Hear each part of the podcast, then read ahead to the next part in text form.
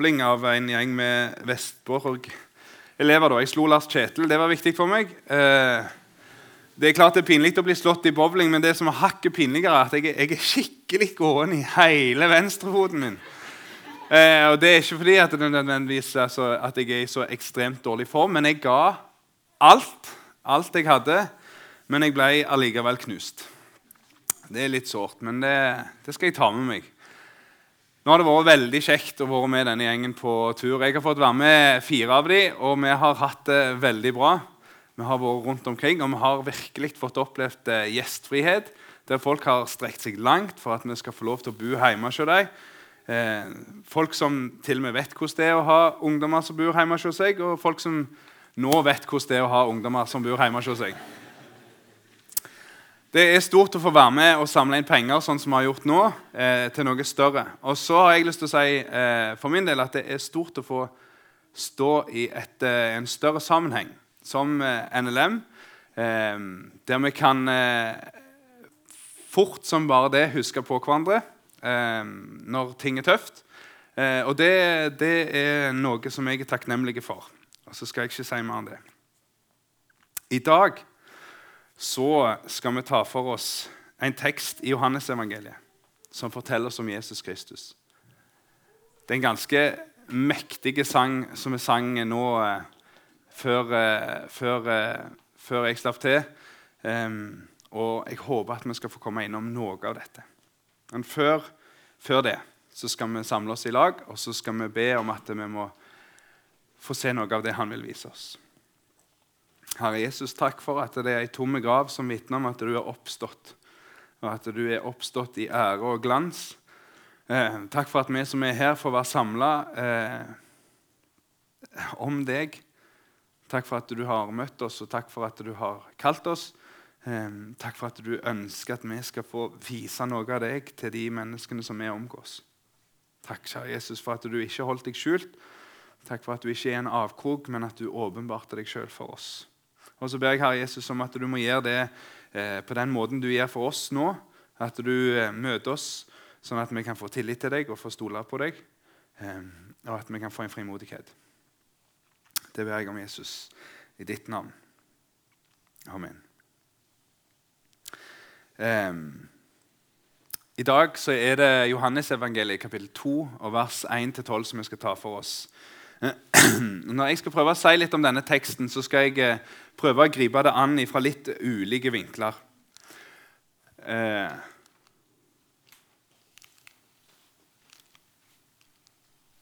Der. Først skal vi prøve å bruke litt tid i selve teksten. og Så skal vi se på innholdet i denne teksten. Hva er det som står her, og hva sammenheng er det det står i? Er det noe apostelen Johannes særlig ville at vi skulle få med oss? Kan det være noen ting her som vi som dagens lesere ikke så lett forstår som de som var der? Etterpå det så har jeg lyst til å ta en parentes eh, om alkohol. Eh, og Jeg kaller det en parentes fordi det er ikke det som er hovedtema i denne teksten. Men allikevel, fordi det blir nevnt, så kan det være en ting som vi er opptatt av når vi hører denne teksten. Og I tillegg til det så var det en som sa til meg eh, når jeg holdt på å jobbe med denne teksten, så sa han det at det, er 15 år siden jeg har hørt noen tale over emnet alkohol. Eh, og da tenkte jeg eh, da, Og det var ikke nødvendigvis her i misjonssalen, men, men, da tenker jeg da, da må vi ta det opp eh, og snakke om det. For det er et eh, viktig samfunnsetisk emne. Og så har jeg lyst til å sette opp noen knagger fra Bibelen da, som kan gi oss hjelp til å reflektere etisk rundt dette emnet. Og så håper jeg allikevel at det ikke er bare det du er spent på å høre. For Johannes han har noe som er viktigere, som han ønsker å vise oss gjennom det han skriver. Og Det er det som vi skal ta opp på siste punktet. Og Det skal få, få lov til å være litt mystisk til vi kommer til det. Og Alt dette skal vi få til innenfor rammen av 25 minutter. Mm. Yes. Da leser vi teksten i lag i Jesu navn. Tredje dagen var det et bryllup i Kana i Galilea. Mor til Jesus var der. Også Jesus og læresveinene hans var bedne. Da det var slutt på vinen, sa Jesu mor til ham, De har ikke mer vin. Hva vil du meg, kvinne? svarer Jesus. Min time er ennå ikke kommet. Da sa mor hans til tjenerne, det han sier dykk, skal det gjøre. Nå sto det seks vasker av stein der, slike som blir nytta i rensingsskikkene til jødene. Hvert av dem tok to eller tre anker. Fyll karet med vann, sa Jesus, og tjenerne fulgte dem til randa. Så sa han til dem, aus nå opp og ber det til kjøkkenmeisteren. Det gjorde de. Kjøkkenmeisteren smaka på vannet som hadde blitt til vin.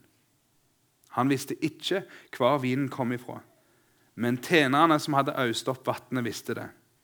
Da ropa han på brudgommen og sa, alle andre setter først fram den gode vinen, og når gjestene er drukne, kommer de med den som er dårligere.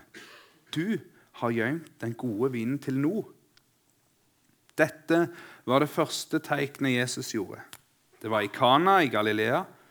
Han åpenbæra sin herligdom, og læresveinene trodde på han. Siden dro han ned til Kapernaum sammen med mor si, brødrene sine og læresveinene sine. Og, de væra, og der ble de værende noen dager. Når vi som sitter her, kommer til denne teksten her, eh, så raser vi 2000 år tilbake i tid. Ikke bare det, men vi raser 6000 km og ganske mange varmegrader sørover. Og så kommer vi til en helt annen kultur. Allikevel er det ikke sånn at, eh, at det er ingen likhetstrekk mellom et bryllup i Norge og et bryllup i Israel. Jeg vet ikke, Det står ikke så veldig mye om brudeparet her. Men jeg kan se for meg at det er en mann og en dame, eller noe som noen av dere kanskje vil kalt for en gutt og en jente, som har funnet hverandre, som har vært spent, som har gleda seg til denne dagen lenge. Og så har de sagt til hverandre noe av det fineste som et menneske kan si til et annet. Jeg vil og skal være din. Og så er de i lag. De er i lag med venner, de er i lag med familie. Det er feiring, og det er fest. Jeg tror ikke det er et sunnmørsk kakebord til stede på denne festen. her. Det, det tror jeg ikke en kan se for seg, men, men allikevel så tror jeg ikke det mangler på verken mat eller drikke eller eh, dessert og det som måtte være. På samme måte som eh, vi her i Norge har noen sånne skikker knytta til bryllupet. Eh, visse folk som en forventer skal ha tale i den og den rekkefølgen, og den må ikke ha tale før den, det, det går ikke. Og Visse folk som en forventer blir invitert i et bryllup. Og I Norge så har vi kanskje en særlig høy takhøyde for at nei, men det er klart, de kan ikke invitere alle. Det går ikke. Så, så det at en ikke blir invitert til et bryllup, det er ikke det såreste som er. Um, sånne skikker var det i Israel òg. Det første som er å si, er at dette er en fest som er betraktelig mye større enn et norsk bryllup. Det var en fest som varte i flere dager. Um, og så var det en del mer folk jeg ser for meg at det var litt mer etiopiske tilstander eh, i dette bryllupet. her. Jeg var så heldig at jeg fikk være i et bryllup i Etiopia der det var eh, to norske som gifta seg, men de hadde festen der. Før bryllupet så satt jeg på et fly og så snakket jeg med en type der. og så sa jeg, eh, eh Han lurte på ja, hva gjør du i Etiopia. Nei, jeg skal i et eh, bryllup, sa jeg. Så, å ja, ja vel, ja. Så sa jeg litt sånn, litt sånn småkjekt. Ja, faktisk 70 eh, stykk som reiser, reiser ned i bryllupet. Og Når jeg da merker at det er ingen respons hos denne typen, da, så sier jeg ja, det, ja, det er altså 70 stykk som har betalt for å, for å, reise ned til Etiopia. prøver jeg liksom å, Og så ser han bare på meg sånn Vi pleier å være ja, 700 pluss i et bryllup her, så, det, så ble jeg sittende igjen litt sånn eh, forlegen. Men i Israel så var det litt samme størrelsen. Det var masse folk, og det var mange inviterte. Og Når vi leser teksten, her, så kan vi se at det mest sannsynlig så var det først og fremst Jesus og hans mor som var invitert i dette bryllupet. her. Men Jesus han hadde nettopp fått seg noen nye etterfølgere. Hvis vi leser i kapittelet før, i kapittel 1, så er det minst fem disipler som har begynt å følge Jesus. De har sett noe i Jesus. De har hørt Johannes som sa, 'Se, der er Guds lam, som bærer verdens synd'. Og så har de merka at det, det er noe spesielt med Jesus. Og så har de sagt vi vil følge deg. Og så får de lov til å begynne på den vandringen.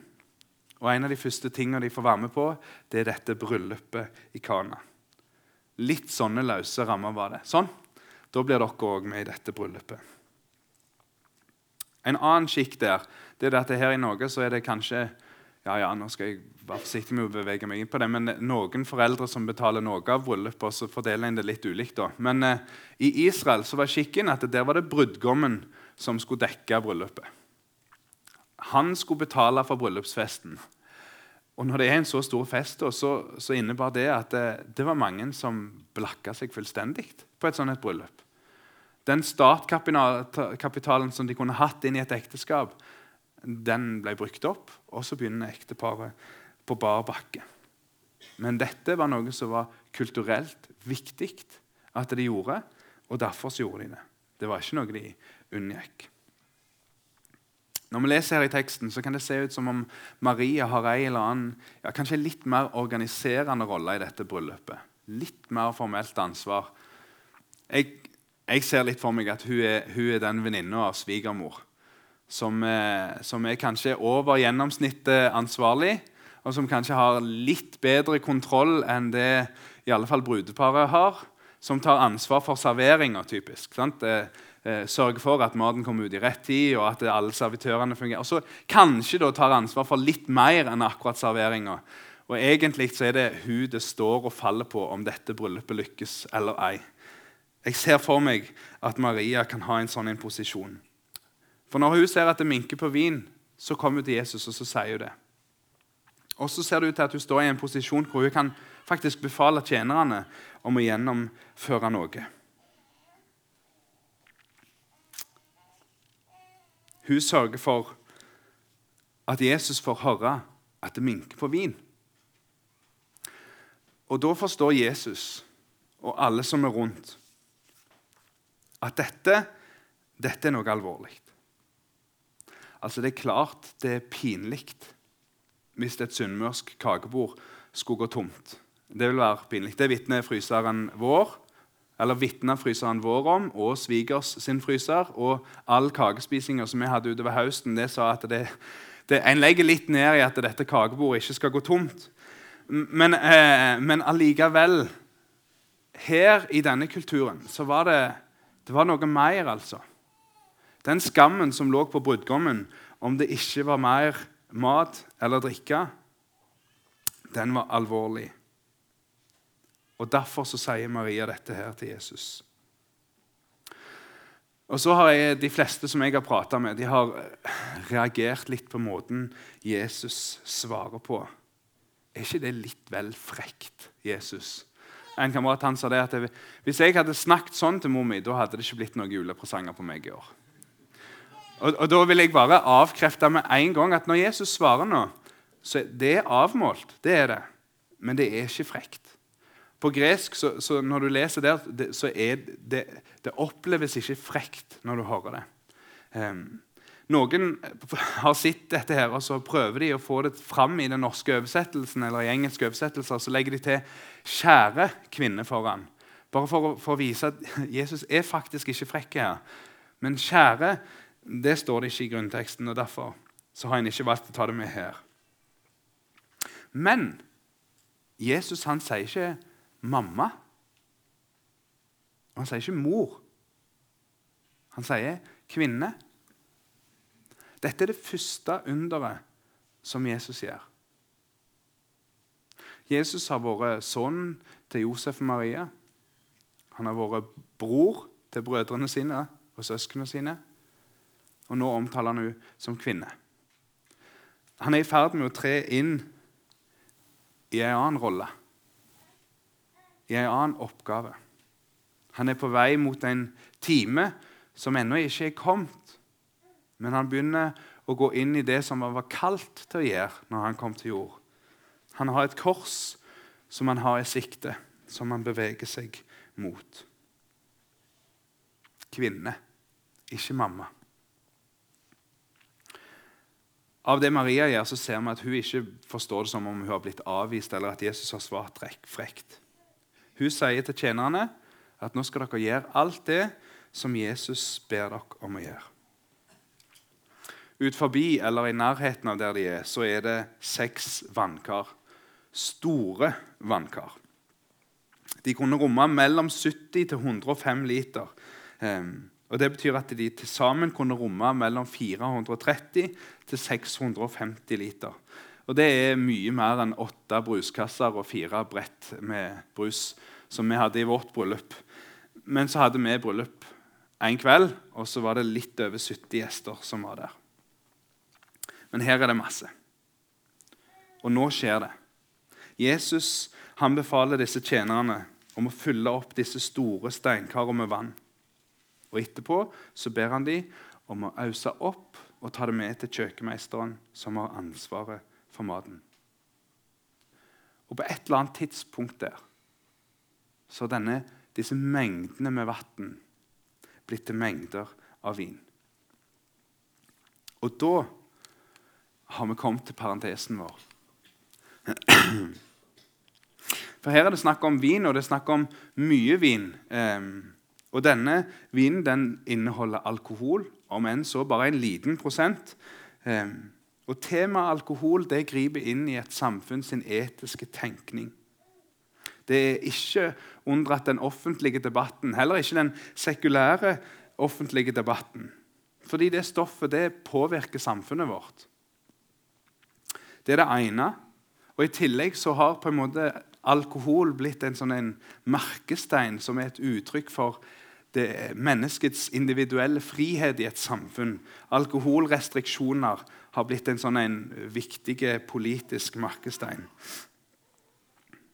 Mange har nok spurt seg når de leser det som Jesus gjorde her. Hvordan kunne du gjøre dette, Jesus? Når du har sett hvor mange familier som har blitt revet sunt pga. alkohol. Hvor mange skjebner som har gått til grunne. Alle de ugjerningene som har blitt gjort i rusa tilstand. Hvordan kunne du gjøre vann til vin når du har sett disse store skadene? Og Det er helt legitime spørsmål. Men allikevel så står det her at Jesus gjorde vann til vin. Og det gjorde han relativt ubeskytta. Som mennesker så møter vi en del utfordringer knytta til alkohol gjennom livet vårt og i samfunnet vårt, som bør få oss til å reflektere rundt alkoholkonsum. Og det gjelder oss kristne òg. Men som kristne, når vi skal tenke rundt det emnet, så er det ikke bare våre egne erfaringer vi skal anvende inn i det. Men vi skal vende oss til Bibelen og så skal vi se hva har Bibelen å si om dette. Hva, hva er Guds gode vilje for våre liv når det gjelder alkohol? Vi møter temaet mange plasser i Bibelen, eh, enten direkte eller indirekte. Og la det bare være sagt. Rus det blir ingen plasser i Bibelen omtalt i positivt ordelag. Vin, derimot, det blir det. Mengder av vin sammen med mengder av honning, mengder av melk, korn og andre konsumerbare ting. Det blir brukt som et uttrykk for velsignelse, velstand, det gode. Bl.a. i denne teksten når Jesus gir vann til vin. Da kan det representere det gode som Gud har skapt til oss. Misbruk av det derimot, det blir det talt sterkt imot. Og Det gjelder både selve rusen og så gjelder det òg de sosiale arrangementer som etableres rundt selve rusen. Her kommer det noen bibelvers som er uttrykk for disse to tankene i Bibelen. Det er noen av de som eh, Det er noen av de som eh, står her, og så er det noen som er i parentes, som dere kan se på etterpå. om dere ønsker det. Jeg skal ikke gå gjennom vers for vers her, men, men hvis du leser disse versene, så vil du finne at Bibelen omtaler vin i positivt ordelag, som her i 5. Mosebok, hvor det inngår i et måltid som israelsfolket skulle ha når de ga tienden sin i tempelet. Eh, Jesus han gjorde vann til vin. Paulus han sier ettertrykkelig i Kolosserbrevet at vi ikke skal la oss dømme av de som dømmer oss ut ifra hva vi spiser, hva vi drikker, eller hva høytider vi feirer. En kan derfor ikke, og skal derfor ikke kategorisk forby alkoholholdig drikke på generelt grunnlag som kristen. Det Bibelen allikevel advarer klart mot, det er misbruk av alkohol. Hvor en benytter seg av den for å drikke seg full. Det er noen ganske tydelige vers her som ikke bare forbyr drukkenskap i seg sjøl, men som òg forbyr det som kan karakteriseres som drikkelag eh, av ulike eh, karakterer, hvor et av hovedpoengene er å drikke seg berusa. Hvorfor det? Jo, Det er to hovedargumenter som framstilles sånn jeg ser det i Bibelen. Og Det ene det er det at ved å drikke seg full så mister en dømmekraft og selvkontroll. Og dette igjen fører til at vi gjør ting som vi ikke ønsker å gjøre. Det fører til det som blir kalt for utskeielser. Det er det ene argumentet. Det andre argumentet det er det at eh, når vi er rusa, så gjør det oss mindre våkne og lydhøre for hva Gud har å si oss. Hvis Gud minner deg om noe, så kan du være døva ned av rusen.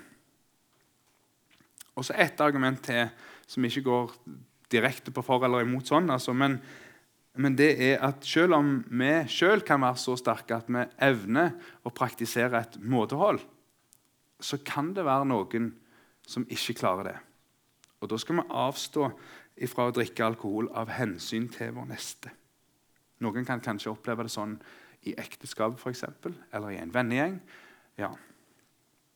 Oppsummert. Sånn jeg ser det, så er det to standpunkt som en som kristen kan ha til alkohol. Det ene det er et reflektert og reservert måtehold. Og det andre det er et reflektert avholdsstandpunkt.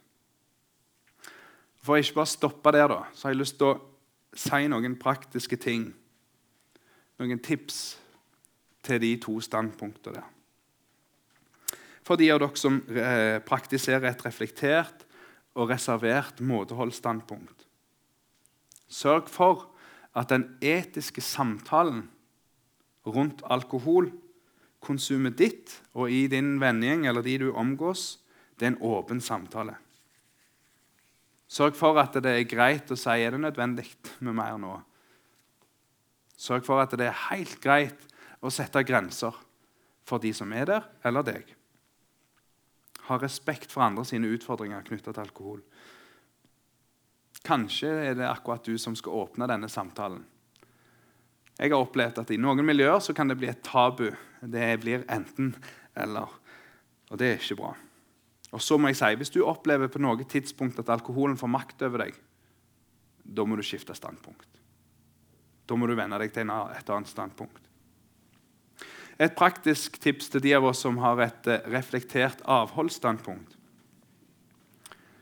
Pass på at du ikke opphøyer alkoholstandpunktet ditt til en eller annen superfrom holdning. Ikke mistenkeliggjør eller døm mennesker som drikker alkohol, hardere som en konsekvens av ditt avhold. Ikke la det gjøre deg til en fariseer. Det er du ikke kalt til å være. Lang parentes slutt. Og jeg kaller det en parentes, for det er et hovedpoeng i denne teksten som jeg gjerne vil at vi skal komme til. Og det er siste poenget. Mens jeg forberedte meg til denne talen, så var jeg innom en blogg hvor ei jente som går på videregående, har skrevet et blogginnlegg med tittelen 'Jeg er kristen Derfor er jeg dum. Jeg er kristen, derfor er jeg dum. Altså, jeg tenker, altså er jeg, og så gir hun det til 'jeg er kristen, derfor er jeg dum'. Og I dette innlegget så tar hun et oppgjør med noen forutinntatte holdninger som hun kan møte når hun treffer folk som ikke tror. Hæ? Er du kristen? Og så tenker de om hun som dum og godtroende. Hun sier at noen av de formuleringene som hun møter, det er Tror du virkelig at Jesus gikk på vannet? Tror du virkelig at Jesus gjorde vann til vin? Er du dum? Jeg tror at uh, flere av oss kan få et visst mindreverdighetskompleks og bli tause av sånne utsagn. Jeg tror at vi kan bli forsiktige og stille. Fordi vi føler oss som en minoritet når vi faktisk tror at Jesus gjorde dette. Det skal vi ikke gjøre. Når Jesus gjorde vann til vin, så åpenbarte han. Han viste litt av sin herligdom, og læresveinene trodde på han. Disse læresveinene som nettopp hadde begynt å følge Jesus. De hadde satsa på denne hesten. Denne kloke mannen. Denne mannen som hadde en eller annen en spesiell innsikt. Han, han så ut til å vite ting som folk ikke skal vite. Han som Jesus hadde kalt for Guds lam. Denne mannen. Vinunderet, som faktisk er umulig. 650 liter vann til vin. Det er umulig. Det gjorde Jesus som et tegn for å vise disse etterfølgerne som akkurat hadde begynt å komme han, at han var noe mer enn en klok mann. Han var noe mer enn en karismatisk leder. Han var noe mer enn en fengende personlighet. Han er ekte vare. Han viste litt av himmelen når han gjorde dette. Det er akkurat som om Jesus sier litt, det setter døra litt på gløtt, og så sier han Se her. Se hvem jeg er. Jeg er sønn av Faderen, Gud den allmektige, som har skapt alt, og som holder alle ting oppe. Vann for meg, det er ikke sånn som vann er for dere. Jeg kan gjøre ting som dere ikke kan. Og jeg har kommet ned. Jeg har kommet til dere. Gud sjøl er kommet. Og læresveinene trodde han. Og det gjorde de klokt i. Disse som akkurat hadde begynt å følge Jesus, som plutselig fikk se at wow, her er det enda mer enn det vi hadde trodd. De skulle få erfare ufattelig mye mer enn at han gjorde vann til vin. Han skulle gå på vannet. Han skulle lære disse disiplene hva rettferdighet er for noe. Han skulle mette 5000. Han skulle vise dem at Gud han er den som tilgir. Han er den som tar vår straff, vår synd og vår død på seg. Han er den som står opp fra de døde og som sier at vi òg skal gjøre det. Vi skal leve evig. Disiplene de hadde bare begynt å se hans herlighet. Jesus bekrefta denne herligheten igjen og igjen mens de vandra med ham. Fordi Jesus er Gud sjøl og full av herlighet. Og så er vi her i misjonssalen. Og så sitter vi her på sida av disse disiplene. Og så får vi gløtta inn på denne herligheten. Vi har akkurat begynt på et nytt år. Hvis du kan kjenne det som hun her som skrev dette blogginnlegget, så har jeg lyst til å si rett dere opp i ryggen. Trekk skuldrene bak. Se Hans herlighet. Himmelen den står på gløtt. Tru Han og følg Han.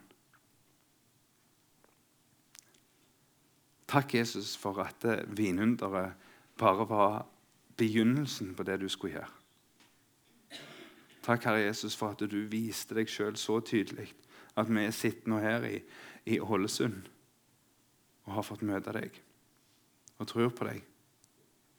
Takk for at disiplene fortsetter å fortelle om det du hadde gjort, sånn at vi kan tro på deg, at vi ikke trenger å frykte døden, men at vi skal få leve evig i lag med deg.